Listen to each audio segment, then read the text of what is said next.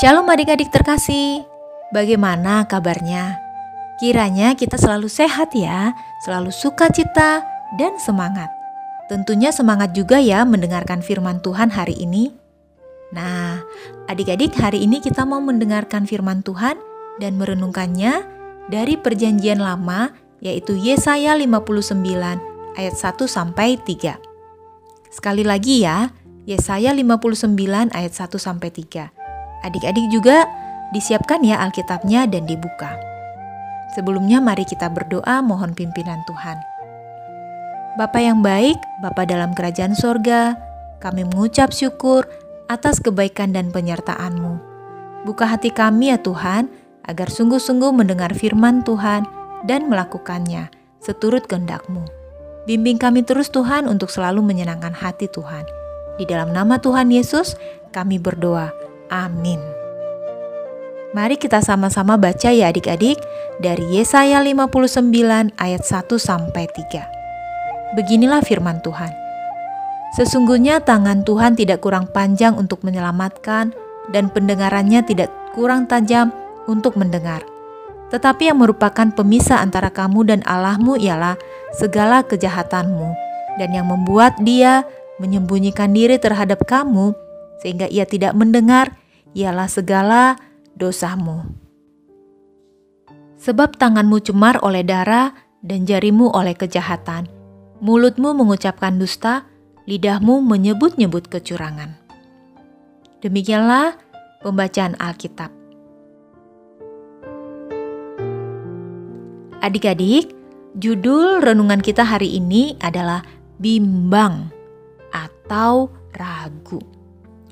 Adik-adik, dalam Yesaya 59 ayat 2 yang barusan kita baca dikatakan bahwa yang merupakan pemisah antara kamu dan Allahmu ialah segala kejahatanmu. Kejahatan kita, dosa kita. Apakah dosa itu adik-adik? Dosa adalah tidak taat kepada perintah Tuhan, seperti tidak patuh kepada orang tua atau guru, berbohong, menyontek, malas, Wah, masih banyak lagi loh adik-adik. Tapi dosa juga tidak melakukan hal baik yang seharusnya kita lakukan.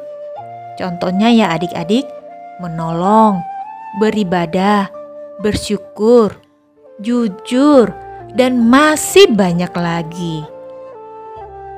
Adik-adik, pernah loh ada peristiwa yang sudah lama berlalu, tepatnya sih sebelum pandemi, Kejadiannya di sekolah bintang. Suatu kali, ibu guru memberikan banyak PR untuk anak-anak.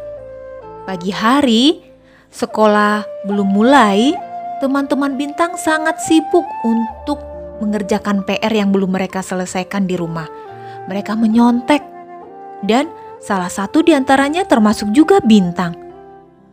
Nah, adik-adik, saat ibu guru memasuki kelas, anak-anak buru-buru memasukkan buku PR mereka ke dalam laci meja. Dan tidak terasa, dua jam pelajaran hampir berlalu dan ibu guru sepertinya lupa kalau sudah memberikan PR sehari sebelumnya. Bintang, ragu, bimbang. Dia mau kasih tahu sama ibu guru, mau mengingatkan ibu guru, tapi dia sendiri belum menyelesaikan tugasnya. Wah, Bintang benar-benar ragu apa yang harus dia lakukan ya. Di akhir pelajaran, ibu guru bertanya, "Baik, anak-anak, sebelum kita menyelesaikan pelajaran hari ini, adakah yang ingin bertanya atau menyampaikan sesuatu?"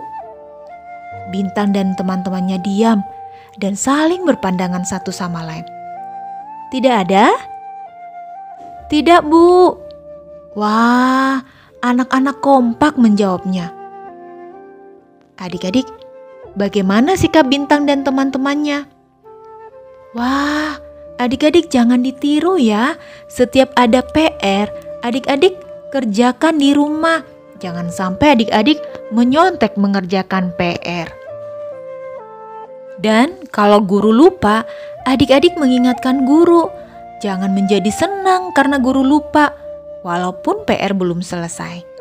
Meskipun ada konsekuensi karena belum mengerjakan PR, tapi sanksi atau hukuman itu untuk mendisiplinkan adik-adik. Karena itu adik-adik taat ya kepada nasihat atau perintah guru. Tugas-tugas sekolah dikerjakan dengan baik, tepat waktu, dan tidak menyontek. Satu lagi nih adik-adik, kita jujur, tidak berbohong, tidak berdusta, karena dusta atau bohong salah satu dosa yang memisahkan kita dari Tuhan.